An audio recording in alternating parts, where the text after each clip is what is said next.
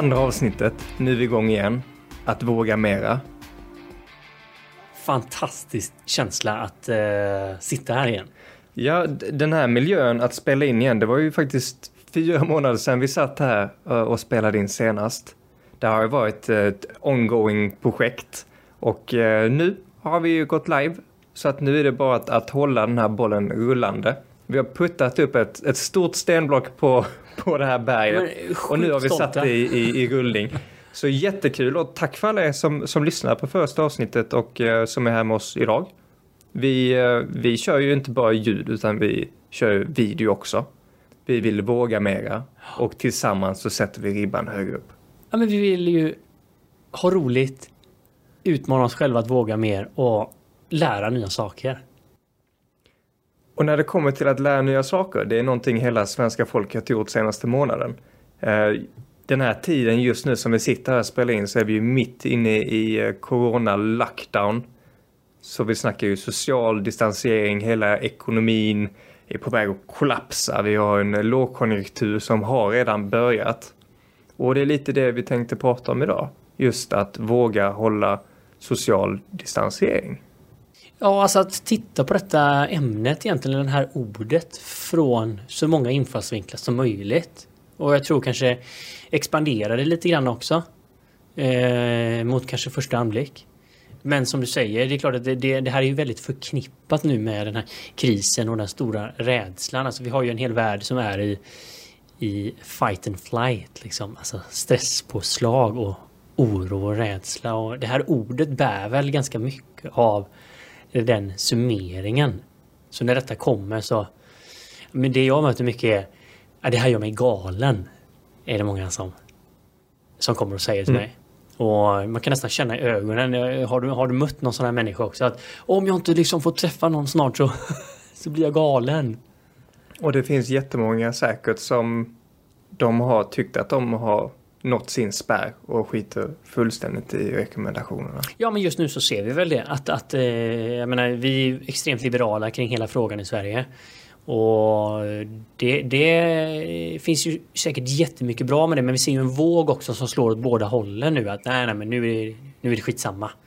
Nu kan jag sitta här och dricka bärs och kramas och efter sju bärs så kommer man ju verkligen ihåg två armlängder. Mm. Det För folk blir inte alls mer närgångna efter sprit. Nej, det är väl... Nej, men det, det är jätteintressant. Vi pratade lite grann innan vi, vi satte oss ner om vad innebär social distansering. Och vi är ju inga experter, men det var två ganska intressanta infallsvinklar där. En är ju den här fysiska, att faktiskt hur nära inpå är man andra människor. Och det andra är ju den här mer mentala biten. Ja, men hur nära känner man personer? Hur nära förstår man varandra? Ja, men vi såg ju liksom att, att eh, det är ett abstrakt... Det är inte helt självklart när man börjar prata om det. Vad det egentligen innebär och vad som det medför. Liksom.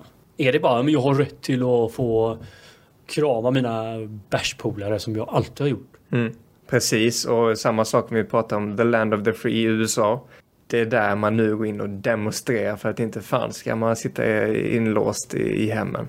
Nej, och vi, vi, vi har ju så sjukt lyxigt att eh, det gör ju inte vi. Eh, så eh, liksom alla personer jag har pratat med runt om i världen den senaste veckan de är ju helt liksom förvånade över att eh, man kan komma. Men jag har varit ute och sprungit och jag har varit och handlat. Och mm. Det är ju unikt just nu. Och ändå så då upplever vi den här frustrationen eh, mycket kring, kring att just hålla lite avstånd. Så när det kommer att hålla fysiskt avstånd. Eh, jag är ju själv personligen en person som har isolerat mig i, i lägenheten och jag gjorde redan sedan start. Jag eh, normalt sett reser jag väldigt mycket i, i min roll. Och precis när covid-19 coronaviruset bröt ut så befann jag mig på en affärsresa i Tyskland. Och en av de flygplatser jag flög via då eh, var Frankfurt. Frankfurt är en av världens största flygplatser. Jag var ju måttligt nojig kan jag säga att, att vara på den flygplatsen och redan då så var eh, personalen på flygplatsen som dirigerade information och sånt här. Jag märkte vilka avstånd de höll mot personer och då hade det precis börjat. Jag tror vi hade ett tiotal människor i Tyskland som var, var drabbade. Eh, vi hade väl knappt någon i Sverige sen dess har jag i sen varit i, i lockdown så jag har väl i princip betett mig som om jag vore smittad även om jag inte har varit det. Och, och på sätt och vis så ser man ju totala kontrast med andra människor som när det är, är fint väder och en utesväng öppen så sitter man packade som sillar. Ja, och jag tror vi får titta bara till oss själva. Vi, menar, vi, vi, hade ju det samtalet innan här. Kan vi träffas och göra en sån här sak? Eh, hur kan vi förhålla oss till det om vi nu ändå träffas fysiskt? För alternativet var att vi skulle eh, gjort remote inspelning. Så varje setting blir ju lite unik. Och, mm. och man har ju sett, vi har ju exponerat sig för ganska många tillfällen du och jag där man liksom varit nära att bete sig som vanligt när vi skulle göra high five och fira det här fantastiska ögonblicket där vi liksom vi har fått ut det första avsnittet och vi har liksom mm, kommit en bra bit på väg och, och liksom, ja just det, vi gör virtual high five. Och det, det är där jag tycker en av de viktigaste grejerna är att man, man accepterar vad andra personer känner för den här situationen. Eh, vi har ju riktlinjer för hur vi ska bete oss när det kommer till att hålla avstånd, fysiskt avstånd. Och det är många som inte följer det och det är även många som följer det. Och man ser liknande grejer i Italien till exempel med extrema fall. Där några personer i befolkningen gör tvär, tvärtom och har bidragit till jättestor dödlighet och andra sitter helt parkerade hemma. Det, är ju enkelt så länge man är hemma, det kan man säga. Alltså, om, man, om, man, bara är bakom stängda dörrar så exponeras man inte. Men det är ju så fort man egentligen börjar integrera med människor. Det är då det räcker att du går ner till ICA så ser du hur svårt det är att hålla då en och en halv meter till varje person. Ja, och det är där jag, jag, jag tycker problemet är folk som inte respekterar andra. För om, om jag är en individ som känner att jag vill hålla avstånd och jag gör mitt för att hålla avstånd då vill man ju helst inte bli satt i en position där andra inkräktar på det av, eh, eh, avståndet. Och det är någonting jag känner att man kanske missar. Och det här är precis som i politik, att eh, alla tänker inte samma. Alla har inte eh, samma acceptans till regler till exempel. Eller tänker likadant. Och det är okej. Okay. Det är okej okay att inte tänka likadant. Jag menar tacka vårt samhälle att vi tänker olika och att vi inte är indoktrinerade att, tänka samma. Men det är ganska intressant här för just, hela poängen just nu är att nu ska vi göra samma. Det är inte så mycket tänka. Eh, det är ganska enkelt, vi får riktlinjer och nu ska vi följa riktlinjerna. Ja, men man kan ju följa riktlinjer genom att enbart vara hemma. Eller så ja. kan man faktiskt röra sig utomhus. Vi, vilket, vi, vi har ju det ganska fritt där ändå, det får man ju säga. Så det ger ju ganska mycket utrymme ändå och det är väl där den här gråzonen skapas just nu när det är soligt och liksom eh, man vill ut och leva sitt liv. Eh, som vi faktiskt exponeras och testas för detta. Och jag tänker det är en eventuell återgång också från ett cigarr. Det, det, det, är ju då vi kommer förmodligen över tid behålla, behöva hålla en distansering. Mm. Samtidigt som vi börjar integrera med varandra, interagera med varandra igen. Och vara på jobben och vara på kontoren och kanske till och med gå på restauranger och äta. Ja, för ser vi lite grann som vad som hänt i våra grannländer så har de ju haft betydligt hårdare restriktioner än vad vi har haft. Eh, och eh, jag pratade med en mycket god vän från Köpenhamn. När han sa att ja, vårt problem är att vi har haft för få som har varit exponerade av viruset. Och vi har ju inget botemedel på, på längre tid, eller ett vaccin snarare. Ja, vi kan väldigt lite om det här viruset och det finns ju spekulationer och idéer om flockimmunitet såvida viruset inte muterar. Och det finns ju alla dessa guidelines och riktlinjer. Men vi kommer antagligen behöva lära oss att leva med det här viruset framöver. Um, tills det att vi, vi har ett, ett, ett botemedel. Och att leva i total lockdown i över ett års tid, för man pratar ju runt ett till ett och ett halvt års tid innan man har ett vaccin. Det kommer nog inte funka för ekonomin att bara leva på skattepengar. Men vi har ganska så kraftig statskassa i Sverige men ett och ett halvt år utan jobb det blir väldigt, väldigt tufft tror jag. Det kommer att bli väldigt tufft. Ja. Det, det får vi nog räkna med tror jag. Så vi får se. Systemen kanske inte överlever allting. Eh, mycket kommer nog ändra sig. Varför beter sig folk olika när det kommer till social distansering? Jag menar, reglerna är ju till för alla. Eller? Alltså, det finns nog ett inbyggt motstånd att följa regler. Eh, det är någonting jag har väldigt mycket hos mig själv i alla fall, rebellen inom mig. Så här. Eh, jag har fått checka in väldigt mycket. Normalt sett så...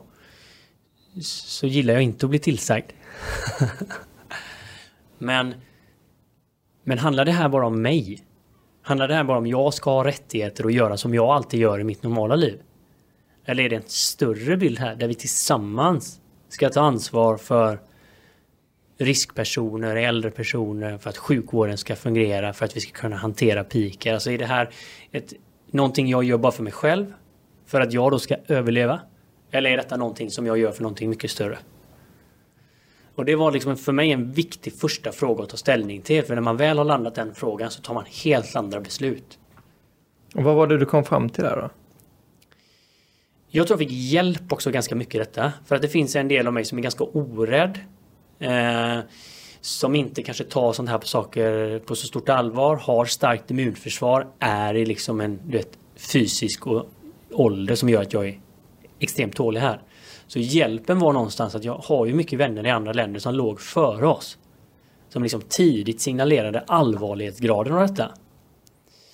Och jag tror det var vid ett, liksom, en konversation jag hade med en god vän i Kanada. Det, liksom, det blev bara kristalltydligt liksom. Här följer vi riktlinjerna till punkt och pricka numera. För konsekvenserna är förödande. Massa människor kommer att vara på gränsen till att förlora sina liv, förlora sina liv. Sjukvården kommer att belastas liksom till max och så vidare. Vad kan vi göra som unga, friska, aktiva för att hjälpa till? Det blir som ett skifte där. Eller är det jag ska till varje pris få dricka mina öl som jag gör i solen i Haga? Eller är det inte relevant just nu? Klarar du tio månader utan att göra det som du brukar göra? Det finns rätt många människor som har levt liksom på jorden innan som inte gjorde det. Så vad är relevant beteende just nu? Det är det som är så himla spännande fråga.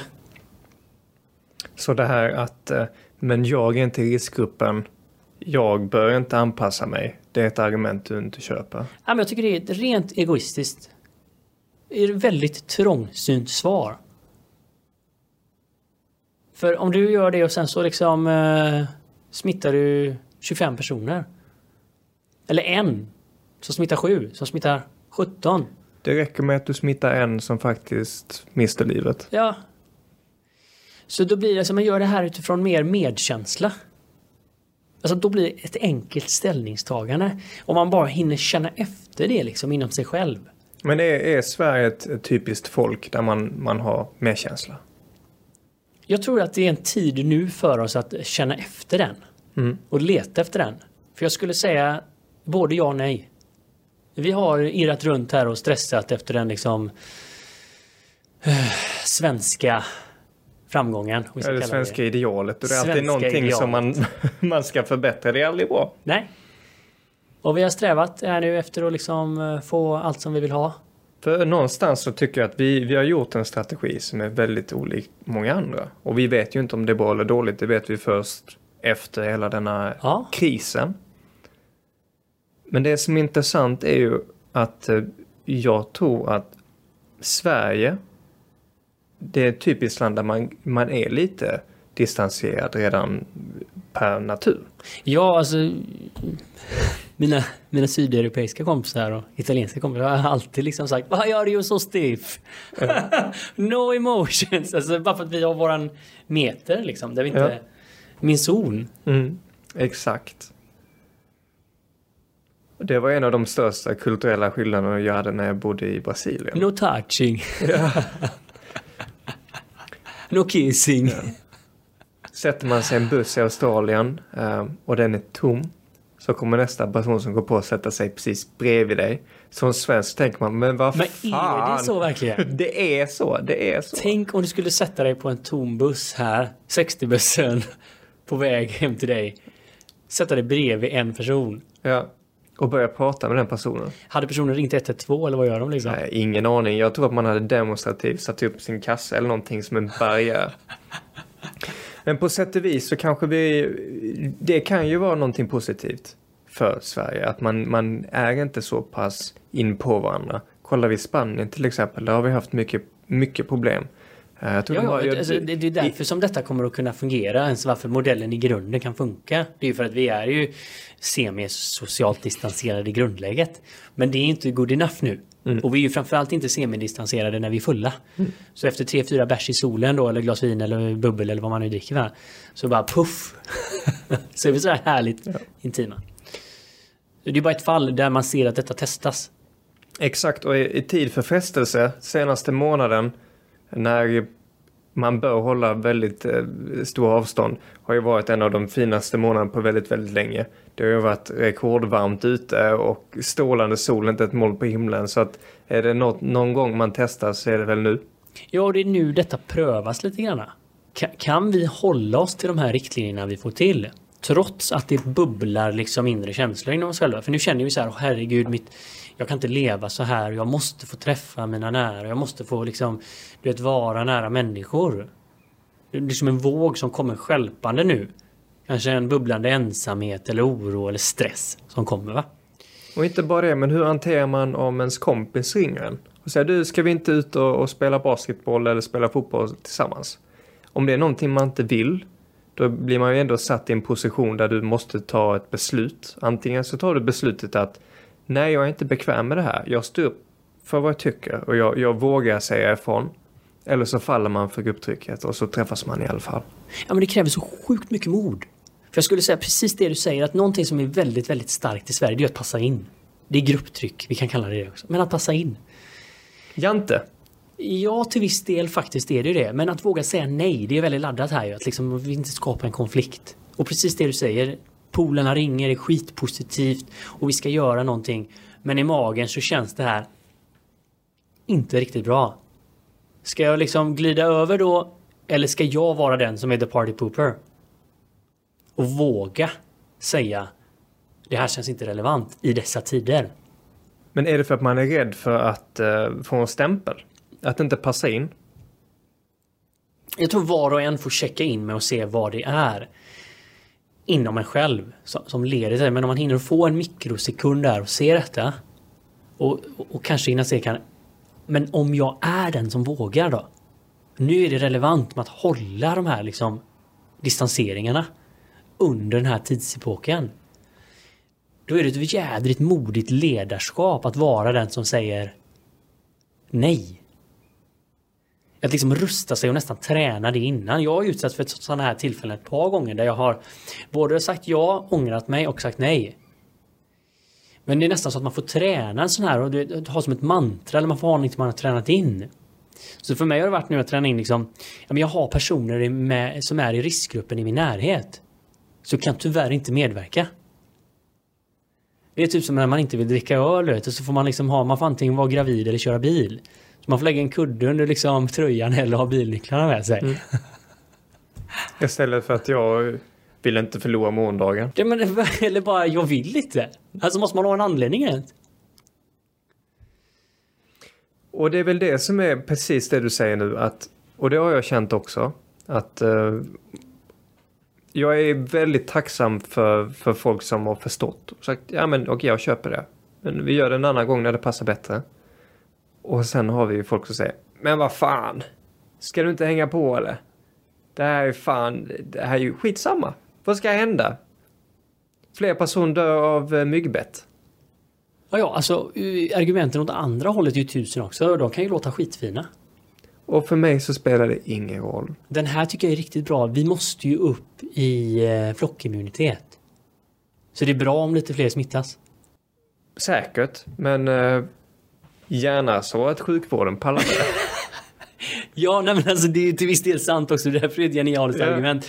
Men det är ju faktiskt så att nu ska vi göra det så kontrollerat som det går. Så därför är det ju högst relevant att vi är så modiga att vi vågar hålla den fysiska distanseringen även nu när vi utmanas. För jag har tänkt på den också. Det är inte det att du och jag är perfekta. Men eh, hur kan man ändå i varje läge man gör liksom eh, vara ett sånt gott föredöme man kan? Genom den här perioden.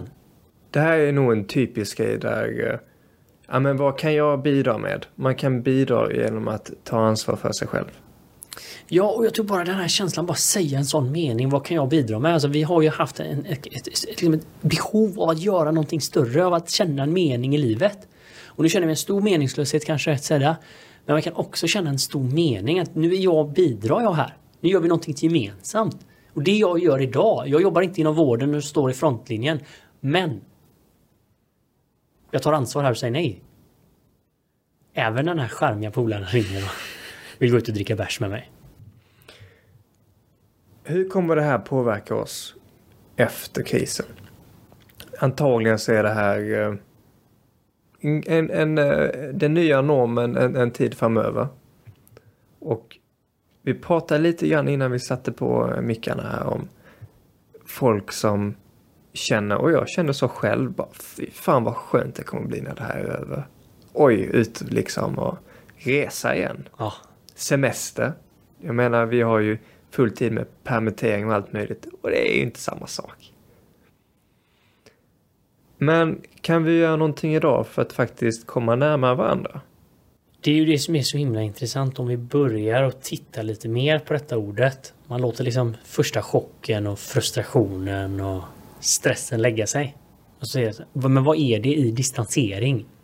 Ordet är ju väldigt distinkt. Vad är det jobbiga med distansering? Distans. Alltså det är på något sätt att du och jag är långt ifrån varandra. Fysiskt. Det är vi överens om. Men behöver vi vara långt ifrån varandra? Rent liksom dig och mig emellan? Eller finns det alternativ där som vi missar i detta läget? Det finns så mycket man kan bygga vidare på det här. Man kan titta på sig själv. Det, det är alltid intressant att, att visualisera exempel till exempel i sitt huvud. Ska man känna så här. Är det fysiskt avstånd som bara har varit den uteslutande faktorn när jag har känt att jag varit nära en annan människa? Då menar jag nära att du har känt en connection, en koppling, en relation till en annan individ. Har den enbart med det fysiska att göra? Om du tänker på någon gång som du verkligen kände att du kom nära någon. Mm. Men är det, är det så att du skapar på ytan eller kommer du in på djupet? Det är, ju, det är ju det som vi vill ställa oss frågan. För på så sätt kan du även om du inte är fysiskt distanserad ändå vara distanserad från eh, den här personen, människan du pratar med. Du kanske inte riktigt pratar med personen. Och på så sätt så är du distanserad redan från början. Ja, alltså var vi ens närvarande när vi inte var distanserade fysiskt från varandra? Var de personer du hade framför dig, var de i den stunden? Eller satt de med sina telefoner eller satt i helt andra tankar eller satt och planerade vad de skulle göra efter du gick därifrån eller funderade över vad som hände innan de kom dit. Man ser hur lätt liksom tankarna skenar iväg så det är så lätt att vi idealiserar tiden som var innan och så att det var så himla bra då. Men jag har ganska få personer som sa att det var väldigt, väldigt bra innan. Om jag frågar dem då. Mm. Så mycket intressantare här är nu, hur kan vi hålla avståndet fysiskt men se till att vi kommer närmare varandra, närmare än vad vi någonsin har gjort. Så att vi utvecklar de relationerna vi har så att de blir mycket närmare, mycket djupare, mycket finare, kärleksfullare, omtänksammare. Säg saker som inte är sagda. Våga ställa de där frågorna. Nu har vi ju tid också. Vi har ingenting att skylla på nu. Se till att avståndet tar oss närmre. Se till att avståndet tar oss närmre. Det gillar jag, det är väldigt starkt. Och vi har ju alla möjligheter att göra det. Jag har svårt att tro att det finns en enda person i Sverige som inte har möjlighet att faktiskt bli närmare och mer connectad till någon annan. Alltså, du har helt rätt i det, för det är verkligen en sak som vi bestämmer över till 100%. Det är klart vi utmanas alla nu till max på många sätt. Men här har vi också 100% bestämmande grad. Och det kan vara lite läskigt. Ja, superläskigt. Det är mycket enklare att skylla på den här sociala distanseringen. För om inte den här hade funnits, då hade jag varit så himla connectad och nära dig. Ja, men hade det varit på fyllan eller hade det varit faktiskt genom att man har byggt en, en, en ordentlig vänskap? Det, det blir lätt ett ämne det här som blir ganska tungt känner jag. Just att man kan man kan gå in på vad innebär det att vara connectad? Vad innebär att, eh, att känna tillit, att ha familj, att ha vänner? Vad är en vän? Men utan att, att gå alldeles för djupt. Vi, vi lever i en värld där tekniken kan både hjälpa oss och vara vår, vår värsta fiende. Antingen så spenderar jag jättemycket tid på sociala medier bara för att få in intryck av hur bra alla andra har det. Eller så använder jag det som ett verktyg faktiskt, som du sa, för att connecta med, med folk. Att gå in och kanske ringa mina nära och kära en extra gång. Och verkligen bry mig om samtalet vi, vi håller.